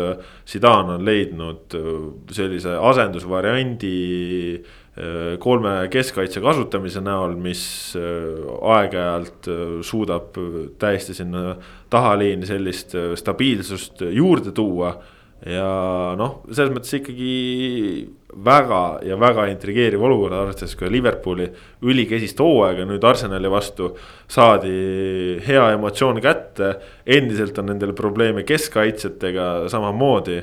Aga. selleni ma tahtsingi jõuda, et, et kui sa räägid Ramosest, et siis äh, räägime ikkagi sellest ka, et, et äh, kas, kas hetkeseisuga minna siis äh, seal Benzemade ja Sensiote vastu ilmselt tuleb äh, kes kaitsepaariga Nathaniel Phillips, Ozan Kabak jah, et see, et laupäeval Arsenali kolm-null nüpeldati, et noh, palju õnne, aga Arsenali eest mängisid ees Lacazette, Pepe ja Ödegaard. Aga Reali poolt keegi, tuleb seal kolmikus. keegi Aubameyang oli ka, aga noh. okei okay,, jah, aga noh, Realil on vastu panna Modric, Asensio, Benzema, Isco, Casemiro selline noh, löögirusikas. no Isco on ilmselt isegi pingil on ju. okei, okei, aga noh, noh, ma võtsin need eelmise mängu algkoosseisu. vähe kõvem kaader, ütleme nii. no ikka oluliselt kõvem kaader ehk et äh, suurim otsustaja, ma arvan tõesti on Liverpooli keskkaitse. Liverpool on näidanud kosu, noh, selgelt on kosunud, on ju.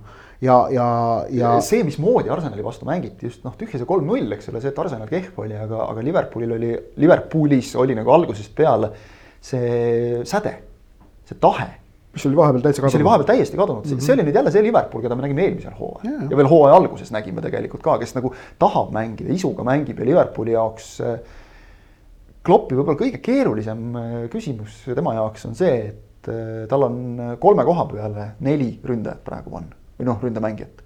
noh, Salah alustab, Mane alustab, seal ei tohiks küsimust olla, nüüd on küsimus, et kas, kas Firmino või äh, Diogo Jota ja isegi mulle tundub nagu loogiline see, et, et lähed alguses Firminoga, kes teeb palju musta tööd, rassib seal ja siis mingil hetkel tood sisse Jota, kellel just tundub vahetusmehe roll väga sobivat. Arsenali vastu tuli, aega läks vist kaks minutit, lõi ühe, siis lõi teise, mäng tehtud, korras. noh, Salah jõudis ka vahepeal seal oma imesid teha natukene ja, ja endast kaks korda suurema kaitsepalli pealt minema mängida lihtsalt osavusega, aga äh, kuidagi nagu järsku, vot kui vahel on see, et suurklubidel see koondise paus noh, nagu tõmbab kogu koos, koostöö üksteise mõistmise täiesti ribadeks. et siis praegu Klopp võib küll õnnelik olla, et talle just sattus see Arsenal ette, et, et sealt mängust saadi igatepidi hästi palju positiivseid emotsioone. ainuke nõrk koht tõesti on see keskkaitse see, no, see võib nüüd olla, olla probleem. ja noh, keskkaitses on tõesti jah, selle nurga alt ju mure, et Karim Benzema on viimasest seitsmest mängust üheksa väravat löönud, et äh, et ta on ikkagi päris, päris äh, võimas olnud ja. no ta ikka natuke oskab üldiselt, noh, ta on nagu aastatega näidanud. pigem jah, pigem on tegemist hea jalgpalluri, ütleme siis niimoodi. Minu... kui, kui ikkagi tegelikult on hakatud ju reaalselt nüüd rääkima nagu jälle sellest, et noh, vahepeal nagu lepiti sellega, et okei okay,, Benzema on nagu okei okay vend, aga et noh, Prantsusmaa koondises veel enam asja ei ole. teatud lollidel põhjustel et siis nüüd ikkagi on hakatud järjest tõsisemalt rääkima, et kuulge, et äkki unustaks need mineviku asjad ära ja ikkagi võtaks. Prantsusmaa koondisel iseenesest ründajate valikut on, et noh, see nagu näitab ka veidikene, et, et ta on ikkagi ennast nii kõvasti pildile mänginud, et temast mööda vaadata on väga raske. no absoluutselt. Deschamps ei võta teda, see on teada. ei võta jaa, aga noh, just, et see jutt üldse, seda enam, et on teada, et ei võeta, aga et see jutt mm -hmm. ikkagi kogu aeg nagu üles ronib jälle, et aga mis siis, kui ja igatahes noh, mis Reali puhul on, on võib-olla huvitav jälgida, et kui, kui vahepeal Nende ründemäng ongi olnud võib-olla natukene nagu liiga juhuslik või kuidagi liiga etteaimatav, kuidagi nagu kangutades, siis nüüd nädalavahetusel sai algkoosseisu Marcelo üle pika aja, kes siis mängis kolmese keskkaitsjate kõrval wingback'ina vasakul. Siis ma ütlen, et pärast sellist Marcelo etteastet ma ootan huviga, kas Zidane paneb ta teisipäeval väljakule või mitte, sellepärast et äh, Marcelo tsenderdused. See vasakjalg, noh, see oli täiesti müsteerium, see on äh, nii hea kvaliteet. et äh, reaalne mäng oligi selline, et kõik vennad otsisid Marcelot, andke pall talle, küll ta teeb. Ja, ja tegi, et selles mõttes äh, väga huvitav saab olema jälgida, sest ta kaitseomaduste tõttu on, on langenud soosikust välja. Ferland Mendy on, on see põhivasakkaitse olnud, aga nüüd, kui on, on taga see kolmene liin, kus, kus üks äh, äärmine mees võib olla ka Mendy. siis tekib äärele tegelikult see Marcelo ruum ja, ja väga huvitav saab olema jälgida, kas ta saab selle võimaluse või mitte, et äh, noh. teada on, et kui Liverpooli keskkaitse on selline, nagu ta on siis tsenderdustega koolitamine võib olla väga ohtlik relv. ja Marcelo panemine sinna äärele, kus mängib Trent Alexander-Arnold, võib olla üks äh, hea variant siis äh,, kuidas öelda, kammitseda Liverpooli ühte ohtlikumat ründe, ründerelva äh,. keda me siin ka ennem ju mainisime, et seal, ei, seda on kahtlemata huvitav näha, milliseid valikuid seal treenerid teevad ja sellest paarist tuleb hea paar ja teine teisipäevane peaks olema siis Borussia Man City või? jah, just Man City võõrustab äh, Dortmundi, City on endiselt oma oma no, rida kütmas ja, ja Dortmund nagu, on endiselt oma rida kütmas, et nad väga ei küta midagi. ei küta midagi nagu jah, et, kütavad endale võib-olla ahju äärmisel juhul, aga, aga no ma loen lihtsalt ette nagu Man City Leicesteri vastu siis. enne meistrite liiga mängu Leicester City vastu, tabeli nagu noh, top kolm meeskond ikkagi selgelt. Äh, Man City pink. Äh, Raim Sterling, äh, John Stones, Nathan Ake, kes siin suure raha eest suvel toodi Jacques Cancelo, Ilkay Gündogan, Bernardo Silva. no ja siis sellised äh, tagasihoidlikumad mehed nagu Phil Foden ja, ja Ferran Torres, kes on oma koondiste selgelt, selgelt nagu noored. see on pink jah? tuleviku tegelikult, see on pink. ja siis Scott Carson, kes on ka noh, nagu varuväravahiks rohkem kui adekvaatne valik ja, ja sa jätad rahulikult, jätadki, Sterling tuli vahetusest, jätadki need Gündoganid ja Joao Cancelod ja Stonesid sinna istuma, lihtsalt las puhkavad. ja lahendati Lesteri ära, ma saan aru, ilma igasuguste probleemideta. suhteliselt jah, suhteliselt, noh, mängiti ikkagi üle Lester. ja, ja ei. ei saa öelda, et Lester oleks nagu halb olnud, lihtsalt. jah, endiselt ma, ma olen seda öelnud vist juba mitu korda, aga endiselt, et Man City'l Borussiaga, okei okay,, Haaland on ohtlik aga kokkuvõttes peaks küsimus olema ikkagi selles, kas Guardiola suudab vältida ülemõtlemist ja lihtsalt äh, suudab teha oma keskmise soorituse. aga see ongi väga suur küsimus, sest Guardiola on kippunud Euroopas no, üle mõtlema. eelmine hooaeg ta Lyoni olümpiki vastu mõtles üle, on ju, jah, jah. aga no ma tahaks nagu eeldada, et nii kogenud, no nüüd ikkagi peame tema kohta öelda ka juba kogenud treener, et, et ta nagu ikka kas ta Bayernis ju ka mõtles üle mingites mängudes, et, et noh, ta, ta nagu äkki nüüd ikka siin kolmandat-neljandat korda nagu sama reha otsa ei jookse, tahaks ja. loota ma tahaks väga Man Cityt ausalt, ma ütlen, ma tahaks näha Man Cityt äh, poolfinaalis, et, et ma noh, mõne kellegi tõeliselt suure vastu mängimas, kas noh, Bayerni või BSG või Reali et see oleks nagu mm. maiuspala. Realiga nad eelmine aasta mängisid, neil läks suht hästi. mitte see, et ma ei tahaks ka Borussiat poolfinaalis, Borussia poolfinaalis on alati kaunis vaatepilt. aga noh, see Man City, äh, kuidas öelda, ma tahaks, et Man City pandaks niimoodi suurelt proovile, on ju, ja seda oleks huvitav vaadata jah, ja, ja, ja noh, kolmapäeval noh, selge on, et, et kõik pilgud on BSG ja Bayerni peal. välja arvatud minu omad. ja siin sinu omad, sul läks, läks hästi, sellest räägime ka veel. Äh, see on siis seotud Premiumi liiga kalendri muutusega, kindlasti oled rõõmus, aga, aga Bayern äh, nädalavahetusel siis Leipzigile tegi ära, BSG sai siis kolmanda kodukaotuse järjest ja Neimar seal noh, tegi Neimari asju. noh, ja võib-olla seal natuke Neimari teine kollane oli ka selline, et me siin Premium liiga puhul rääkisime just olukordadest, et kus nagu saaks ka mitte anda, siis noh, seal ka oleks saanud nagu mitte anda, aga ikkagi pisut on see, et Neimariga koos BSG praegu nagu ei tööta nii hästi, no see on nagu loogiline ka, et ükskõik kui hea mängumees sa oled, et et, et ta on nagu eemal olnud jälle jupp aega, et noh, natuke see ikka nagu lõhub midagi, mul on sihuke tunne, et, et nagu pigem on asi võib-olla Pochettinos kui, kui äkki on asi hoopis võistlussarjas, et sellest Prantsusmaa kõrgliigast on neil tõesti niivõrd savi. kõik panused, kõik panused on meistrite liigal, kogu fookus läheb sinna. Ja noh, BSG-le tähendab jah põhimõttes saab seda muidugi ette heita, aga sisuliselt on see tegelikult arusaadav, kui see niimoodi on. sest selle klubi äh, noh, niivõrd suur siht on olnud meistrite liiga, eriti pärast eelmise aasta finaali kaotust. said nagu hamba verele juba, eks et, et, et selles mõttes küll, et seal kõigi mõtted on juba seal mängul Bayerniga äh, ja duellil Bayerniga. aga noh, sellegi, Ja- ja- sellegipoolest selliseid lollusi nagu Neimar tegi seal, et, et noh, pärast veel, veel kuskil tunnelis minna kähmlema ja kätte maksma, et, et noh, tahaks nagu öelda, et aeg oleks suureks kasvada selliste asjade kohta. aga Bayern ja Toomas Müller, super, täiesti super mäng ikka. no, noh, see mäng Leipzigiga, et noh, see pidi ju olema nüüd Leipzigi jaoks võimalus tegelikult ennast tiitlivõitluses tagasi pinnata, et noh, Levanovskit ja Bayern kodus mängid, noh no, vabandust, aga millal veel, kui mitte nüüd, on ju. ja ei, ei olnud see see päev. Bayern tegi oma kindlalt ära, Toomas Müller on geenius. Tegemist on jalgpalligeeniusega, tunnustamata kohati julgen öelda. aga kes teeb, vägagi tunnustamata, ma ütleks tegelikult. kes teeb väikeseid asju lihtsalt niivõrd hästi ja. seda on nagu äge vaadata, et ei ole mees, kes nagu jookseb kõige kiiremini, hüppab kõige kõrgemale, lööb kõige kõvemini. ta on ebastandardne jalgpallur ja. ta on, ta on ju kohati noh. see ebasta-, ebastandardsus väljendub selles, et ta ei meenuta jalgpallurit. jah, ta on kohati nagu peale vaatad nagu lihtsalt, kui kellelegi öeldakse, et kes ei ole enne jalgpalli vaadanud, et vaata nüüd seda mängijat viisteist minutit. Ma arvan, et esimene reaktsioon see on ju täielik suvaline kaigas mm. -hmm. aga ometigi üheksakümne minuti jooksul ta paneb jälle sellise mängu kokku, et ilma selle meheta sa lihtsalt ei kujuta ette. jälle tulevad kuskilt söödud, väravad, ta mõjutab seda mängu noh, niivõrd palju ja ka just selle oma nagu lähenemise ja suhtumisega mängu. et see, see, see, ma kirjutasin selles luubis ka ju, mis ma laupäeva õhtuses mängus tegin, et muljetavaldav ongi see, et noh, et ikkagi vabandust, aga Mülleril noh, Saksamaa kõrgliigast peaks nagu jumala savi olema. üheksa korda on selle võitnud, kaheksa aastat järjest.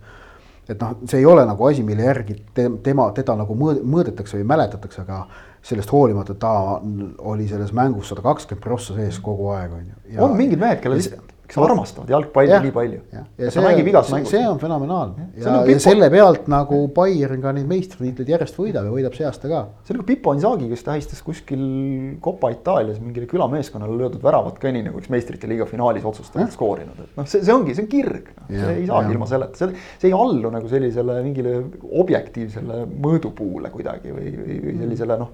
Täpselt Exceli tabelisse ei pane seda, ütleme mm. -hmm. Ja- see X-faktor, et mis teeb Müllerist Müllerit. ja kui nüüd vaadata sellele viimasele paarile otsa, siis Ott on kindlasti rõõmus, et, et, et kui Porto on niigi juba üllataja, kes on Juventuse välja tõuganud, siis Chelsea läheb meistrite liigale vastu päris ulmelise kaotuse pealt.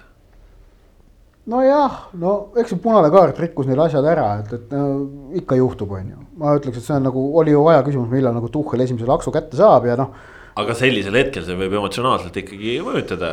tead, ma arvan, ma, ma ei usu.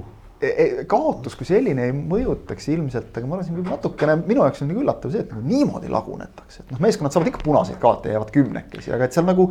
kuidagi nagu asi Ma täiesti usu- laiali jooksis, aga vaata, võib-olla ongi jälle see, et, et läks nagu ühte mängu kõik see negatiivne ära, nüüd võetakse ennast kokku jälle. Ma arvan ka, et neil on piisavalt suur eelnev positiivne foon, et nad ei lase sellest ühest mängust ennast segada, aga siis noh, see Porto Chelsea paari osas on noh, seis lihtne, vaatame avamängu ära, et siis saame teada, kas on mõtet teist mängu ka vaadata. kõige ühepoolsem paar ikkagi eeldatavalt. ja, ja samas nagu No samas paar see- saadet tagasi sai arutatud, et Portol ei ole ka mitte midagi kaotada, see võib nende trump me olla. eel- eeldasime seda ühepoolsust ju ka Juventus Porto paarist ja, ja ei saanud üldse seda, et. et noh, Pepe seal peab koolitama Timo Wernerit, kes on saanud siin Tuhhelilt äh, häid õpetussõnu, et. jaa, Tuhhel, noh, saksa treenerid nagu oskavad kuidagi selles mõttes, et kui inglise treenerite tavaline jutt on ikka sihuke, et peab nagu võitlema ja, ja, ja noh. aga no Porto. vaimselt tugevad püsima, et siis äh, Tuhheli näide, kes ei ole lugenud, see oli väga lihtne näide oli nagu see, et, et ega äh, kommentaar siis selle kohta, et Werner oli tahtnud pärast mingit treeningut veel eraldi nagu jääda mingit löögi või siis seda nagu realiseerimistrenni tegema ja siis Tuhhel ütles, et ega sellega on ikkagi nii, et, et kui kui sa kutsud daami lõunale ja daam ütleb, et ta ei taha tulla, et siis nagu nii-öelda suruma hakata, et see ei, ei aita, et sa teed sammu tagasi ja ootad ja siis daam kutsub ise. tundub, et nagu see on selline härrasmehe jutt, et siin elukogemused räägivad. No siit äh, jah, saame näha, kas, kas Werneril need väravad tulevad tagasi või mitte, igatahes. hea olukord oli ühe Chelsea värava puhul, kus, kus Werner oli väravavahiga silmitsi, see oli see, et no nüüd löö ära ja, ja hetkeks nagu oli ka võimalus mõelda, et kui sa nüüd siit ka ära ei löö, et siis sul on ikka täiesti halvasti. ja siis Werner targa inimesena söötis kõrvale ja sealt löödi tühja. et see on ka nagu oskus omaette, aga no tegelikult on ju Tuhhelil õigus, et noh, Timo Werner oskab jalgpalli mängida ja väravaid lüüa, et. kui tal mingil hetkel see klõps ära käib, küll need väravad tulema hakkavad, ta, ta ju tegelikult alati võib võtta nii, et ta jõuab nendesse positsioonidesse, kust väravat lüüa. see, et tal seal lõpus jalg viltu palli vastu läheb, noh, see on parandatav. kui ta ei jõuaks sinna, siis oleks probleem, aga ta on mängus sees, ta on olemas vot, sellega tõmbame tänasele saja üheksandale pikk ette ja ise järele saatele joone alla, kui te vahepeal siin olete taustal kuulnud mingit veidrat kõminat, siis võib öelda ainult seda, et tervitused Gert Kamsile, kes. Kams kõmistab. kes siis praegu ütleme, tundub, et Eesti jalgpalli podcast'ide mekas on siis oma konkureerivat tööd tegemas, nii et.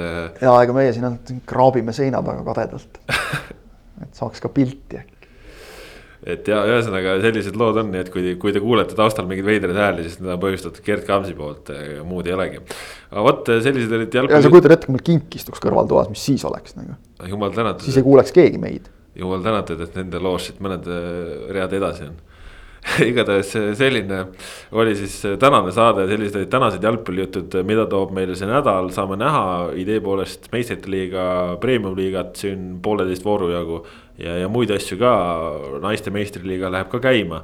nii et uh, huvitavaid asju Sokkenetis jälgida on, hoidke ikkagi silm peal, püsige meie lainel, püsige terved, hoidke ebavajalikudest kontaktidest veel eemale, et saaksime selle Äh, riigi ükskord ka avada ja, ja et ka jalgpall saaks uuesti rahvatribüünile. tänast saate tõid teieni Kaspar Elisser, Ott Järvela, Kristjan Jaak Kangur, olge terved, adjöö